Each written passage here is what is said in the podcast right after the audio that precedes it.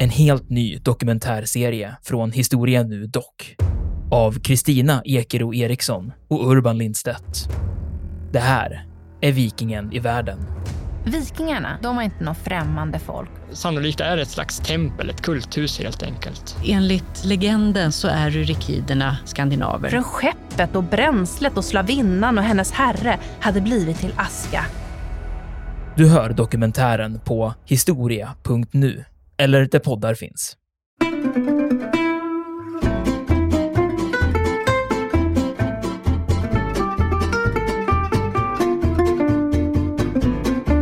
indiska hade börjat bli en del av den brittiska identiteten på den här tiden, alltså en källa till nationell stolthet.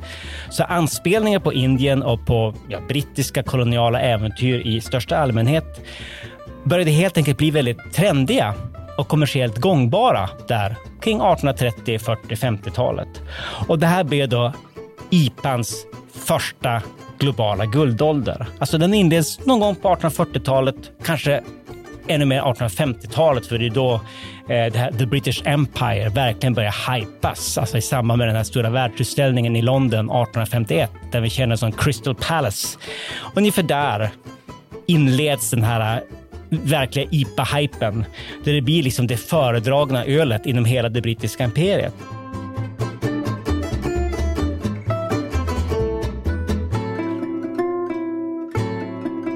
Podden En oväntad historia utgår från en liten händelse för att med glimten i ögat berätta den stora historien. Programledare är historikerna Olle Larsson och Andreas Marklund.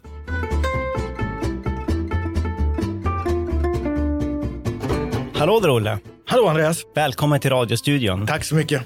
Jag har goda nyheter idag Olle. Vad trevligt. Vi ska prata om öl. Åh, I passar bra i värmen. I en halvtimme Oh, utan att störas av verkligheten. Olle, har du någon särskild typ av öl som du dras till när du hänger i baren eller kanske vid någon lämplig grill här någonstans i sommarsverige? ja, alltså jag har alltid varit svag för, för ljusa lageröl, men sen i somras så fick jag, fick jag en sån riktig ögonöppnare. Jag var i München, det var väldigt, väldigt varmt. Promenerade i English Garten, stannade till vid sjön och beställde in en Paulaner veteöl. Och det var nog en av de godaste öl jag har druckit i hela mitt liv. Om det berodde enbart på ölen eller om det var liksom själva kontexten, det vet jag inte. Men just nu, om någon frågar mig vilket är din favoritöl, så säger jag Paulaner veteöl. Intressant. Weissbier, det, det tycker jag är en lite lurig produkt. Nåväl, själv har jag då en särskild förkärlek för IPA, IPA, IPA, också känt som India Pale Ale, ibland till och med East India Pale Ale. Det är en ofta ganska ljus, men ändå ljuvligt bitter och inte sällan ganska alkoholstark eh, typ av öl som har blivit ytterst populär både i Sverige och annorstädes i världen. Den här trenden att släcka törsten med IPA är faktiskt då relativt ny.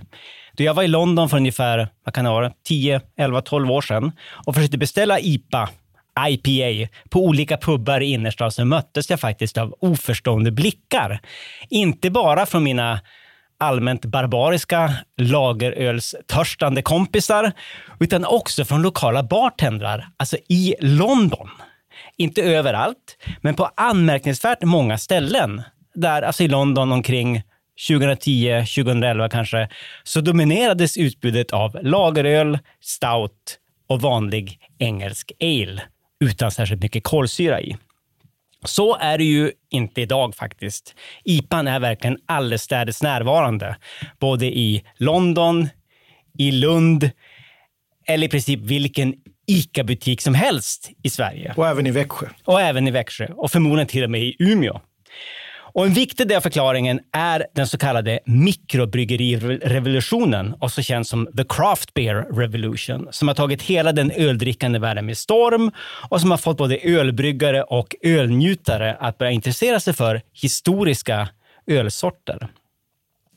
Olle, det finns ju onekligen väldigt mycket att ösa ur när man talar om historiska ölsorter, eftersom vi har att göra med en av mänsklighetens äldsta uppfinningar. Förmodligen var det under den neolitiska revolutionen, alltså under yngre stenålder, då vi blev alltså bofasta jordbrukare, som vad ska man säga då, ölbryggandets ädla konster började utvecklas. Det finns i alla fall arkeologiska källor, alltså typ avlagringar i gamla keramikkärl och sådana där saker, som tyder på att öl konsumerades inom den här bördiga halvmånen, alltså basically Mellanöstern, då, för ungefär 5, 6, kanske 7 000 år sedan. Ungefär. Och jag läste någonstans också i någon gammal källa, väldigt gammal källa för just det här området, att man då kallade ölet för flytande bröd. Just det. Just på grund av sitt näringsinnehåll och tyvärr också kaloririkedom. Ja, man vill säga. Ja, ja, ja, absolut. Ja. Öl och bröd, det hänger ihop på något sätt. Eh, men alltså, så långt tillbaka ska vi inte gå idag, hade jag tänkt mig. Utan vi ska hålla oss då till 17 och 1800-talen. Där har man det ofta väldigt bra, som historiker har noterat. Och det var dessutom då under den perioden som IPA, IPA, såg dagens ljus. Och innan vi blir alltför entusiastiska, jag känner mig redan ganska entusiastisk måste jag erkänna, men innan det går överstyr så bör jag nog fastslå att IPA inte bara är en bitter öl, utan det också har en historia som innehåller otvetydigt bittra inslag. Alltså inslag som handlar om europeisk kolonialism och exploatering av folkslag eh, från andra världsdelar och även en hel massa europeisk rasism och annat elände. Så även om jag då personligen älskar IPA så är jag också plågsamt medveten om att den historiska kontexten innehåller eh, kontroversiella inslag, alltså tvivelaktiga, inflammerade inslag. Eh, och det kommer vi att återkoppla till, hade jag tänkt mig, senare under det här avsnittet, även om fokus helt klart kommer att vara på den ljuvliga ölen.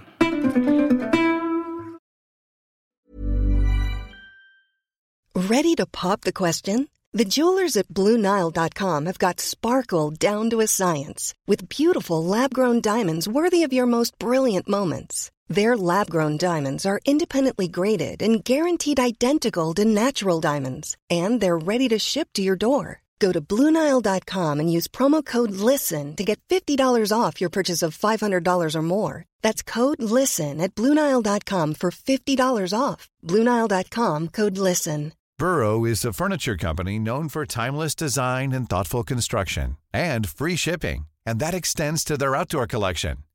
Their outdoor furniture is built to withstand the elements, featuring rust proof stainless steel hardware, weather ready teak, and quick dry foam cushions. For Memorial Day, get 15% off your Burrow purchase at burrow.com slash ACAST and up to 25% off outdoor. That's up to 25% off outdoor furniture at burrow.com slash ACAST.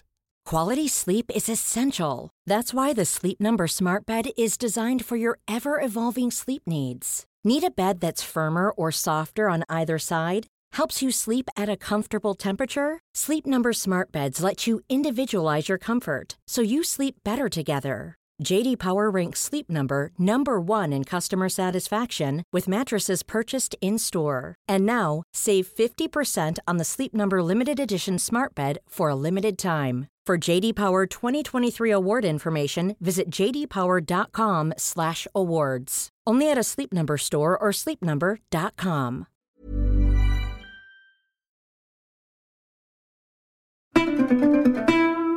Olle, efter dessa allvarsord så känner jag att situationen kräver en mustig stämningsbild. Vi förflyttar oss i tanken till mitten av 1700-talet, till lastrummet på en så kallad Ostindienfarare, på engelska känd som East India Man. Det är ett enormt segelfartyg på väg från London till det brittiska Ostindiska kompaniets olika handelsstationer och utposter i till exempel Calcutta, Madras, idag känns som Chennai, Mumbai och andra delar av det väldiga landområde som vi idag känner som Indien och Pakistan. Och det är ett väldigt tungt bestyckat fartyg vi blickar ut över med nästan lika många kanoner som ett krigsskepp, ett örlogsskepp. Bland annat på grund av att världshaven då, i mitten av 1700-talet fortfarande var hemsökta av pirater som ofta betraktade just de här Ostindienfararna som osedvanligt attraktiva byten. Det fanns, det fanns väldigt mycket som lockade på de här skutorna. Då Ostindienfararna seglade från Asien till Europa så var de proppfyllda med orientaliska lyxartiklar och konsumtionsvaror.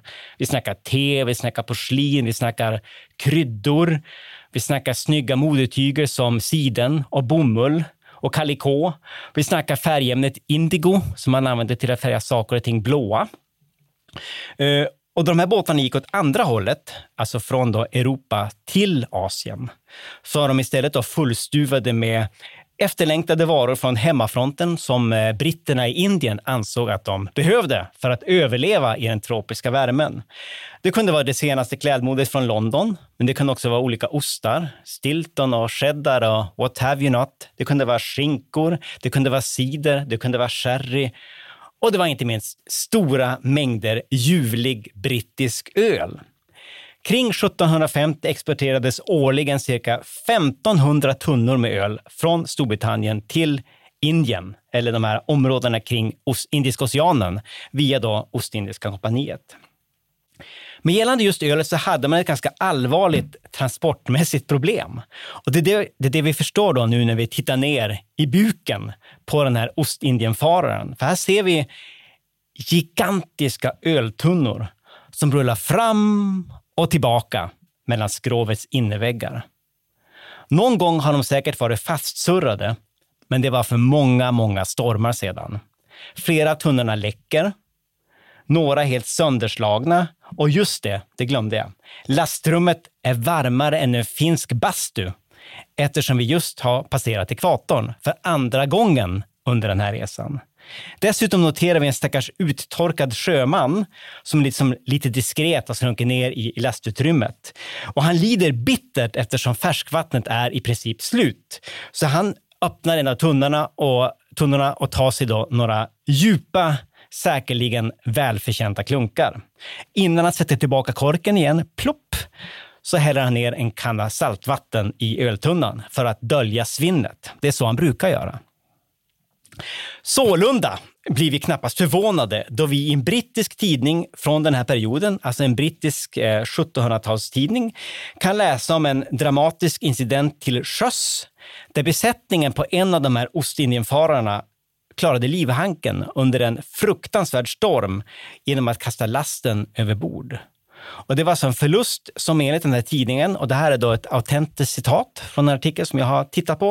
Eh, det var en förlust som enligt tidningen betydde föga, då lasten bestod av några stora, tunga tunnor med illasmakande government porter. Summa summarum. Den goda brittiska ölen, oavsett om den var vanlig ale, porter eller andra sorter, får så illa så himla illa av själva segelturen att den knappt gick att känna igen som öl vid ankomsten till Indien. Inte roligt om man var britt. Vad göra? En bryggare i östra London vid namn George Hodgson, han klurade dagligen över detta svårlösta problem. För stora delar av det öl som skickades över världshaven stammade nämligen från hans bryggeri, The Bow Brewery, som av en tillfällighet råkade ligga i närheten av då Ostindiska kompaniets brittiska utskeppningshamn i östra London på det här som heter The Isle of Dogs. Därför var det i första hand Hodgson som ungefär två gånger om året, då skeppen kom från eh, Ostindien, fick ta emot klagobrev från diverse upprörda öldrickare i Indien. Till sist fann han då en lösning och den blev urfri, urfröet, heter det väl, till den megahypade ölsort som vi idag känner under namnet IPA. Olle, nu har jag pratat ganska länge om det här lastutrymmet, så jag tror att vi behöver lite historisk kontext. Den brittiska koloniseringen av Indien är onekligen ett ganska gigantiskt ämne, men om vi begränsar oss till den här ganska tidiga fasen, alltså mitten av 1700-talet, så blir ämnet kanske lite mer hanterbart. Så kan vi få en kort statusrapport vad är det för Indien vi befinner oss i på 1700-talet? Varför hade det då börjat flockas en massa öltörstande britter här nere, på andra sidan jordklotet nästan? Och vad hade det här hedervärda Ostindiska kompaniet med saken att göra? Då ska vi se var vi börjar någonstans. Men jag tänker mig att vi, ut, vi tittar på vad är, vad är det vi idag kallar för Indien? Eh, i början av 1700-talet. Då är det här det så kallade mogulriket. Ett rike som då eh, befinner sig lite grann i nedförsbacke. Det har, liksom, eh, det har haft sina bästa dagar. Det hade sin, kanske sin största, var som mest framgångsrikt eller starkt under eh, 1500-talet, delar av 1600-talet, men på 1700-talet så började det gå nerför. Och det här är ju naturligtvis någonting som, och den här nedgången beror ju på att det är mycket maktkamp inom det här väldet, alltså ganska svag centralmakt som utmanas av ja, lokala härskare. Alltså en stormogul som ifrågasätts av småmoguler ja. runt om i det här riket. Och det gör ju att vi har ett rike här som har svårt att stå emot yttre tryck. Ja. Vilket gör att makter som vill flytta fram sina positioner i det här mogulriket har en utmärkt möjlighet att göra det. Precis, jag tänker mig att man kanske kan jämföra lite grann med det tysk-romerska riket. Alltså stormogulen är ju i allt väsentligt en kejsare. Han är kejsaren i Wien fast i Ja, i, ja, precis. Jag satt väl i Delhi tror jag ofta, stormogulen. Och så var det diverse då, små potentater, lokala potentater, maharadjor och småkungar och navaber, tror jag de kallades, undermoguler av olika slag som liksom hade sin, hade sin egen agenda och skapade massa problem. Så här har vi då ett, ett, ett, kraftigt försvagat rike. Och så har vi då alltså en världshandel som då har pågått här kan man säga från 1500-talet egentligen. Eh, Européerna vill ha massa begärliga varor som inte finns i Europa, men som framförallt finns i Asien. Och runt om i, eh, i flera länder så grundas så kallade eh, grundas handelskompanier eh, så kallade, i det här fallet, Ostindiska kompanier. Och den här tidiga så att säga, formen av europeiska framstötar yttrar, yttrar sig framförallt i att man grundar handelsstationer längs kusterna. Mm. Man är inte intresserad av det som finns där innanför, utan det handlar, det handlar, det handlar inte om att bygga upp imperier. Nej. Det handlar om att bygga upp handelsstationer där man kan handla med de här begärliga varorna.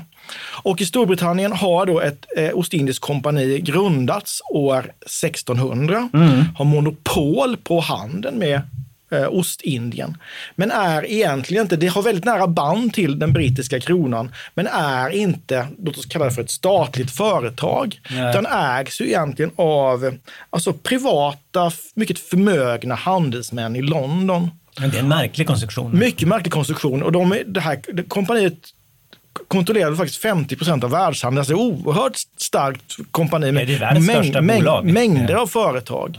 Och de kommer då till det här försvagade, kan man väl säga, mogulväldet. Eller det här, under 1700-talet så använder det brittiska Indiakompaniet mogulväldets svagheter för att flytta fram sina positioner. Ja. Men då fanns det ju andra europeer där redan. Det är inte ja. bara britter. Här finns det fransmän och här finns det portugiser. Ja. Och det här är ju också ett läge där relationerna mellan Storbritannien och Frankrike är minst sagt ansträngda. Inte minst på grund av sjuårskriget då, precis, som pågår precis. mellan 1756 och 1763. Och det är väldigt avgörande i den här historien faktiskt, sjuårskriget. Så här börjar man då bygga upp handelsstationer i, eh, i, eh, i det som vi idag kallar för Indien. Som sagt var konkurrens utifrån. Eh, de här lokala potentaterna stöder en del av de här europeiska mm. Eh, makterna. Mm. Man brukar väl säga att det som är startskottet för liksom den, den verkliga brittiska eller kompaniets kolonisering av Indien, för det börjar ju faktiskt som ett koloniseringsprojekt för Ostindiska kompaniet och inte mm. för brittiska staten, mm. är då när man besegrar en sån här småmogul i slaget Plassey 1700 57. Precis, precis. Där har vi liksom startskottet. Och det här gör att man skaffar sig kontroll över egentligen hela det området som kallas för Bengalen. Mm. Och även om handel fortfarande är fokus så handlar det ju väldigt mycket om att nu börjar man också beskatta de här invånarna. Mm. Och man bedriver annan verksamhet som inte har direkt med handel att göra, även om det är prio ett så att säga. Mm. Mm. Och så här kan man väl säga, här, är liksom, här börjar den brittiska koloniseringen av Indien. Sen blir ju lämnar ju Ostindiska kompaniet över kontrollen mm. av Indien till den brittiska staten efter så kallade Sepoys-upproret. 1858 50, va? 58, 57 är upproret, slås ja. ner och sen blir det då en, en brittisk koloni. Ja, 58 va? För då, då, 58, blir, då, blir Indien närmast då exproprierat, eller vad man Precis. ska säga, av den brittiska staten och blir en brittisk kronkoloni. Och 76 blir eh, Victoria kejsarinnan ja, precis. av Indien. Och, och däromkring går Ostindiska kompaniet också då i, i upplösning. Precis. Så det här, men alltså det här är historietiden, det vi pratar om just nu. Då, det övergår från att vara då ett handelsbolag till att bli en, faktiskt en kolonialmakt. Och det som är spännande här också, det är ju att det här får ju stora konsekvenser för historien sen. Jag tänker till exempel på att britterna börjar odla opium i Indien. Ja. Vilket man gör för att kineserna är inte ett dugg intresserade av europeiska produkter. De tycker att det vi har att erbjuda är liksom fult och klumpigt och vi vill gärna ha te och siden och kinesisk porslin. Men opium, det är en attraktiv vara. Precis, egentligen vill de ju bara ha silver. Den officiella attityden är att vi accepterar silver som betalningsmedel, inget annat. Eh, och då brukar man liksom hitta vägar in i, på, på den kinesiska marknaden. Därför försöker då Ostindiska kompaniet med hjälp av de här begynnande opiumodlingarna i Bengalen, det nyrörade territoriet där, att liksom eh, skapa då en, en, en opiummarknad i Kina. Och det får ju konsekvenser med de så kallade opiumkrigen ja. i Kina sen på, på 1800-talet som öppnar upp Kina Precis. nästan på okontrollerat för europeisk handel. Så det här är onekligen en historia som har en del skuggsidor. Sidor som då är, vad ska man säga, avsevärt bittrare till och med än det, än det bittra öl som vi nu ska återvända till.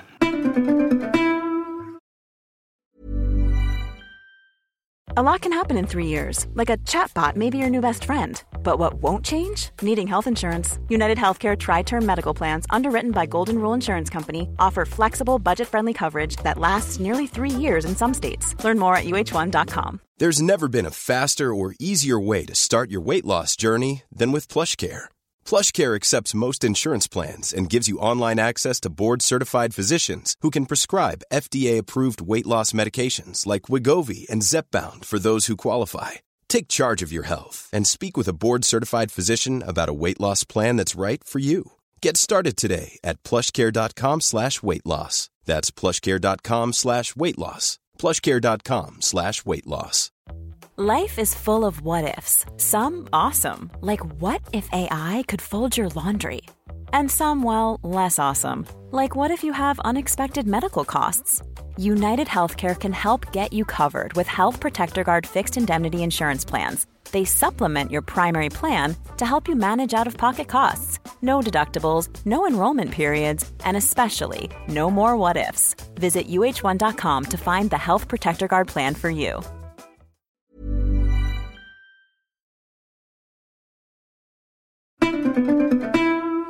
Så Ostindiska kompaniet bet sig alltså fast i Indien via Bengalen och utökade då successivt sitt koloniala välde. Och det krävde alltså naturligtvis en massa manskap. Både soldater, officerare. Jag, tror, jag vet inte om vi nämnde det, men alltså, Ostindiska kompaniet hade ju en egen armé med flera hundratusen man. Alltså, det var väl större än den brittiska reguljära armén? Exakt, större än den brittiska kronarmén. Så det var massa folk som jobbade där. Plus att det också var naturligtvis en massa civila tjänstemän och deras familjer. Och även om de meniga soldaterna kunde vara lokala indier. Det var de här sepojerna som du hänvisade till tidigare. Så var det nästan uteslutande britter på de högre nivåerna. Och det var britter då som behövde brittisk mat och brittisk öl för att må bra och funka i en tropisk kontext. Men som sagt var det väldigt många som klagade över kvaliteten på det öl som Ostindiska kompaniet levererade till sina anställda. Så den här ganska lyckligt lottade bryggaren George Hudson, som ju bara råkade ha sin, sitt Bow Brewery i närheten av kompaniets brittiska faciliteter, han testade mängder av olika ölvarianter för att få behålla då sin, sin ganska privilegierade ställning på den här koloniala marknaden. Bland annat så försökte han sig på eh, något med något ojäst öl, alltså tunnor fyllda med ojäst öl tillsammans då med små paket med jäst som skulle då tillföras i efterhand när tunnorna kom fram. Och det blev tydligen inte jättelyckat. Brustablett. ja, exakt. exakt. Eh, men däremot upptäckte då Hodgson någon gång på 1760-talet kanske, det råder en viss oenighet och faktiskt också en viss debatt om den exakta kronologin. Han upptäckte att det fanns en, en, en, särskild typ av lyxöl som man i England kallade för oktoberöl, som ofta fick ett väldigt varmt mottagande, om man så får säga, i Indien. Och oktoberöl det var en finare ölsort som under 1700-talet hade blivit väldigt populär hos den brittiska lantadeln, alltså the gentry. Jag har läst någonstans att, att det, här, det, kan ha fungerat som ett slags substitut för franskt vin i det ganska, vad ska man, det ganska antifranska England, Storbritannien under 1700-talet, alltså på grund av de många krigen då med, med Frankrike. För det här oktoberölet ansågs nämligen ha en, en så kallad vinös och i allmänhet ganska smakrik karaktär jämfört då med annan brittisk öl, inklusive stout och porter och så vidare. Hemligheten var då dels att oktoberölet baserades på extra mycket humle I en tunna med oktoberöl så proppade man ner fyra pund eller ungefär ja, mellan 1,8 och 2 kilo humle. Medan då en vanlig öltunna normalt innehåller omkring ett, ja, ett halvkilo humle. Dessutom lagades det här oktoberölet väldigt, väldigt länge. Två år var normen, men jag har också läst att det, det fanns någon slags tradition bland brittiska lorder att fylla då ett antal tunnor med oktoberöl varje gång man fick en son. Och det var då ett ö, eller så tunnor då med en, vad ska man säga, ett, ett helgat innehåll som först fick öppnas och avnjutas när respektive son hade blivit vuxen, uppnått vuxen ålder. Så oktoberöl var alltså en typ av öl som, som skulle mognas för att uppnå fulländning. Eh, och det verkar som de här ganska hårda rullningarna och eh, plötsliga häftiga temperaturförändringarna under passagen till Indien, segelturen till Indien, gjorde, vad ska man säga då, susen, underverk i det här sammanhanget. Ölet mognade på något sätt extra snabbt under själva seglatsen. Så Hodgsons oktoberöl blev extremt populärt i Indien. I första hand då bland officerare och högre civila tjänstemän inom Ostindiska kompaniet. Jag har faktiskt läst att soldaterna, meniga brittiska soldater eh, och underofficerare, de föredrog uppenbarligen ändå att dricka porter som fortsatte att skickas till Indien, trots värmen. Kanske för att porten ofta var mycket billigare än det här, än det här lyxölet.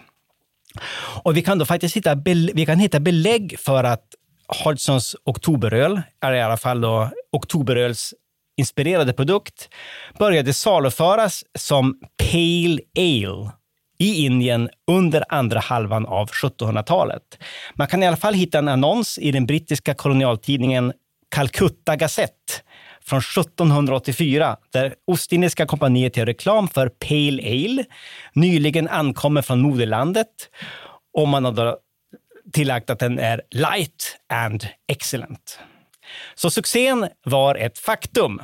Den årliga exporten av öl från Storbritannien till Indien växte från ungefär 1500 tunnor i mitten av 1700-talet till 9-10 000 i slutet av 1700-talet. Och cirka hälften av dessa kom från The Bow Brewery, alltså Hodgsons bryggeri. Var det den här annonsen i Calcutta Gazette från 1784 där det står någonting i stil med att alla Old Indians föredrar ja, exakt. India Pale Ale och Old, All Old Indians var ju inte alla indier, Nej. utan det var ju alla britter, var britter i Indien. Jag, jag För de andra räknades liksom inte, på tal om ett rasistiska ja, inslaget. Jag har tänkt väldigt mycket ja. på den där formuleringen, Old Indians. Huvaliga, men det är otro, otroligt spännande. Ja. Precis. Jo, men alltså det, började, det började göras reklam på ett ganska avancerat sätt för de här produkterna redan i slutet av 1700-talet. Som då Pale Ale. Inte India Pale Ale än, utan Pale Ale. Men alltså, det gick bra för Hodgson, men högmod går före fall, Olle. I början av 1800-talet övertas det här Bow Brewery av Hodgsons söner, Mark och Frederick, som lyckas göra sig ovänner med såväl kunderna som Ostindiska kompaniet och dess ledning. Bland annat så höjde de ölpriset usch mig. Och de började transportera ölet själva på egna skutor, alltså utan att dela vinsten med Ostindiska kompaniet. Så det hedervärda kompaniet gav sig ut på jakt efter alternativa källor till det ljuvliga ölet. Och 1822 inträffar något som faktiskt blir en historisk milstolpe, i alla fall ur ett ölhistoriskt perspektiv. Olle, vad var det som hände och varför brukar man nämna Napoleon Bonaparte i nästan samma andetag. Ibland kan man tänka att det känns som lite, det kan vara lite långsamt att koppla IPA till, eller öl till, till Napoleon, men det finns ju precis som du säger den, den, här, den här kopplingen då. Och det är så att Ostindiska kompaniet börjar ju bli rätt lea på de här, de här två sönerna då som har höjt priserna och ja, som tycker sig vara, liksom, stå över allting annat och kan agera som de gör. De har blivit giriga helt så enkelt. Man letar efter, helt enkelt efter ett alternativ. Ja. Och då finns det brygg, eh, på andra ställen i England man också brygger öl. Man behöver inte ha liksom, vara vägg i vägg med Ostindiska kompaniet. Nej, nej. Så 1822 så är en representant för Ostindiska kompaniet på besök i staden Burton hemma hos en bryggare som heter Samuel Alsop. Känd bryggare. Eh, duktig på att brygga porter och den typen av Ja, öl. Och själv, ja. det, var den öl han själv eh, föredrog. Ja. Men alltså föreslår då för honom att skulle man kunna tänka sig att du försökte kopiera de här ölsorterna som Hodgs, Hodgson har gjort tidigare. Då. Han har med sig ett smakprov till honom och Alsop smakar och så poff, fy katten, vad var det här? Han var ytterst skeptisk. Men som sagt var, han eh, är komtas fressen och dandy moral. Han Exakt. behöver pengar. Och där kommer Napoleon in. Därför att Napoleon under Napoleonkrigen beslutar sig för att försöka besegra engelsmännen genom att knäcka britterna ekonomiskt. Genom att utsätta britterna för en handelsblockad, det så kallade kontinentalsystemet, som jag för mig införs 1808, 7, 10, Mm. Sex nå- kanske, ja, någonting sånt. ja.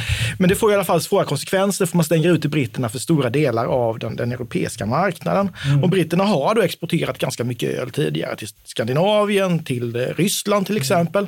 Och här ser man ju liksom, här finns det en möjlighet då att skapa en ny marknad då i Indien. Precis. Så Alsop bestämmer sig för att så får det bli. Och så börjar man ju brygga en kopia av det här eh, Pale Ale. Precis, får jag bara tillägga lite grann där med alltså på hans export av, eh, av öl till, eh, till Ryssland och Skandinavien. Det tycker jag faktiskt är lite kul. Det är ju den där porten som han verkligen älskar, som han då har exporterat till, ja, inte minst det kejserliga Ryssland. Eh, och det går ju då under exportnamnet Imperial Stout.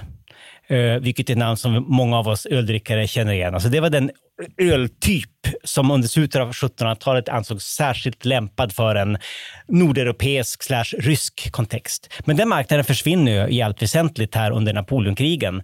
Och efter Napoleonkrigen så införs det väldigt höga ryska importtullar också som gör att eh, man har svårt att få liksom, eh, avsättning helt enkelt, att, liksom, att sälja de här eh, grejerna. Så därför är de ganska mottagliga de här bryggarna i, i staden Burton. Det är en väldigt bryggerität stad som ligger mid-England vid floden Trent. Eh, och de, som sagt, med Samuel Alsop i spetsen, först är det han som får uppdraget, gör allt vad de kan för att försöka ta fram olika humleblandningar som ska liksom tilltala den indiska koloniala publiken. Och hur går det? Det går ju faktiskt alldeles, alldeles utmärkt. Det går ju över förväntan. Det här ölet blir ju väl så bra. Det blir inte bara billigare, det blir också godare. Ja. Vilket antagligen beror på vattnet, eller Det hur? där är jättemärkligt. Ja, att det precis. finns sulfat i det här vattnet som, som har en gynnsam inverkan på, på just eh, humlen, humlen Ja. i ölet. Det, det, ja. Och även för färgen. Va? Ja, precis. precis. Ja, exakt. Den där bleka, snygga färgen. För tydligen var då, eller är fortfarande då, eh, vattnet i London mer kalkrikt och egentligen då bättre lämpat för att framställa just då porter och annan mörk öl. Men det, det, något som är väldigt intressant är att eh, det här med att använda att, att Burtons vatten omkring den här floden Trent var särskilt väl lämpade för, för IPA. Det kan man se än idag. Alltså bland svenska så här, mikrobryggare talar man om att burtonisera, burtonisera vatten i samband då med, med ölframställningar. Alltså man tillför olika mineraler då för att uppnå den här äh, IPA-vänliga kvaliteten som Samuel Alsop uppnådde där i nådens år 1823.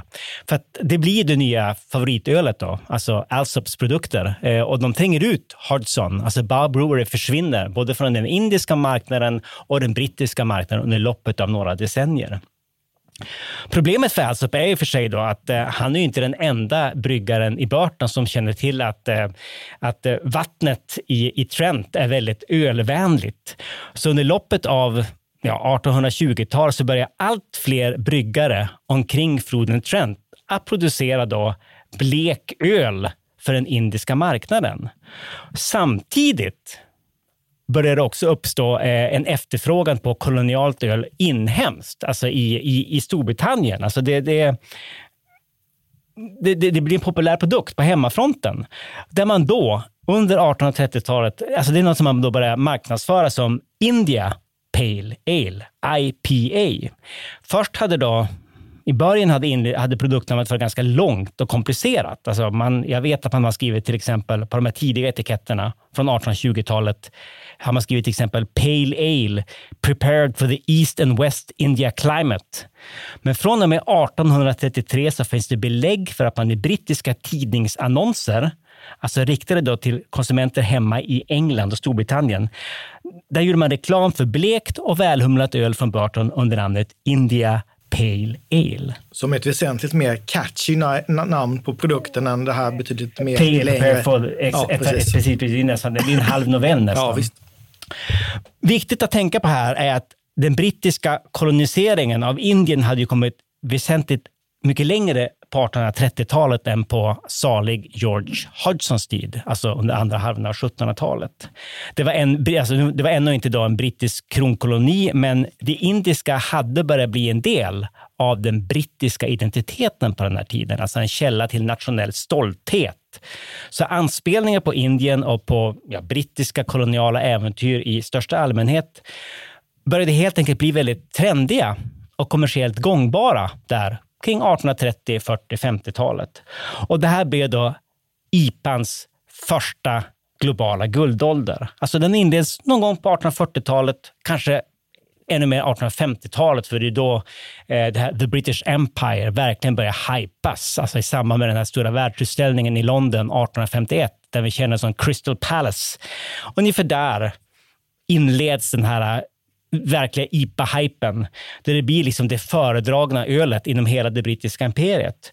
Och det gäller fram till slutet av 1800, fram till slutet av 1800-talet och lagerölen kommer istället, alltså det här industriellt framställda och ljusa pilsnerölet som också är väldigt väl lämpat för ett, ett varmare klimat. Eh, I de varma delarna av imperiet började det liksom spridas där i slutet av 1800-talet. Det tar lång tid innan det når eh, Storbritannien i och för sig. Lagerölet, eh, Storbritannien är i allt väsentligt eh, immunt mot eh, lageröl fram till slutet av 1900-talet närmast. Men i alla fall, den där första guldormen tar slut där någon gång i slutet av 1800-talet. Och efter första världskriget så föll IPA i allt väsentligt i glömska. Så också i Storbritannien. Det fanns enstaka lokala ölentusiaster som fortsatte att hylla och dricka det här bittra koloniala ölet. Men under större delen av 1900-talet så var IPA inte någon kommersiellt gångbar produkt.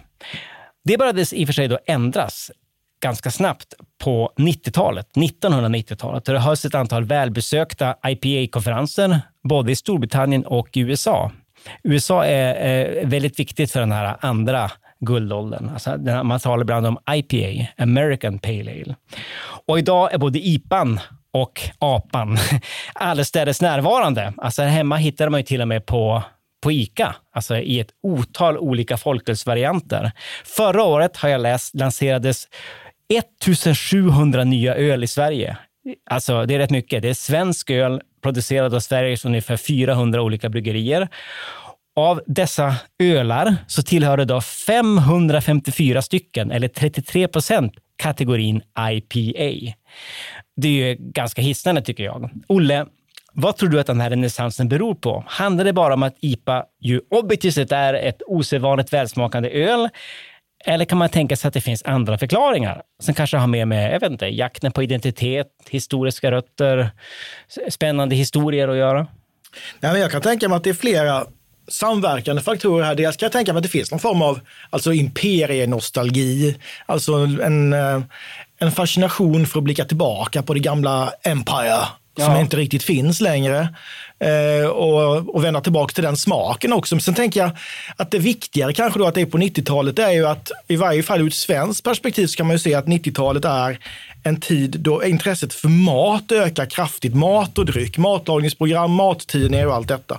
Och eh, i, de- i den vevan så börjar man ju också intressera sig för lite smalare smaker. Alltså det här med att dricka lageröl gör ju alla.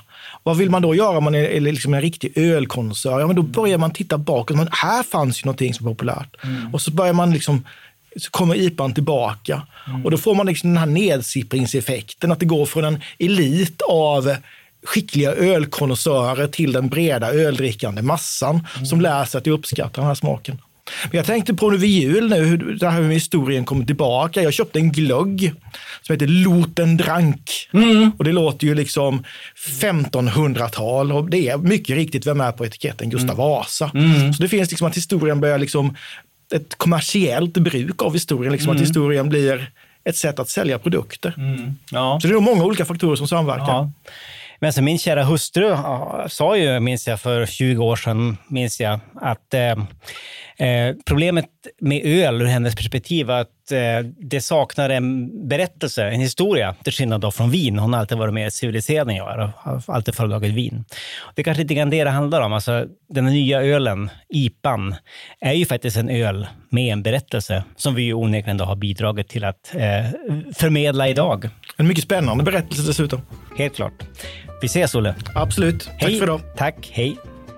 Vi tackar programledarna Olle Larsson och Andreas Marklund. Kontakta gärna Olle och Andreas på ovantad.historia.nu. Vi läser allt, men hinner kanske inte alltid svara.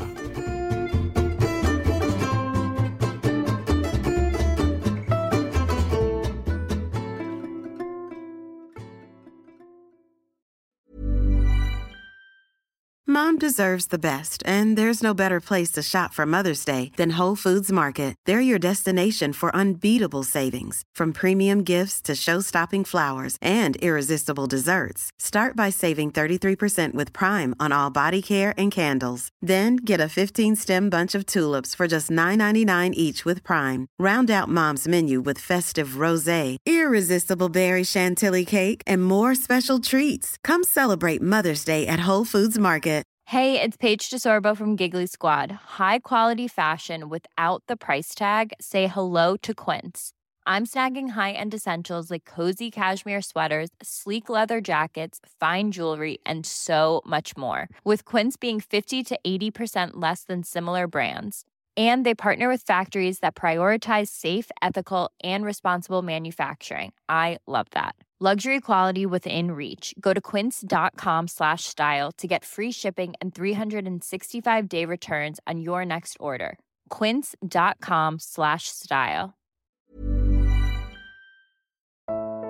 Iran har under 1900-talet genomgått tre omvälvande revolutioner som orienterat landet antingen mot västerlandets modell eller mot en auktoritär styrelseform. Idag pågår en social revolution i landet som vänder sig mot det islamistiska styret och vars anhängare har Europa och väst som förebilder. I en viktig bok ger idéhistorikern Mohammad Faslashemi en djupare förståelse för dagens dramatiska händelseutveckling. Iran mellan tre revolutioner är utgiven av förlaget Historiska Media. Beställ den fysiska boken på förlagets hemsida historiskamedia.se eller köp den i en bokhandel nära dig.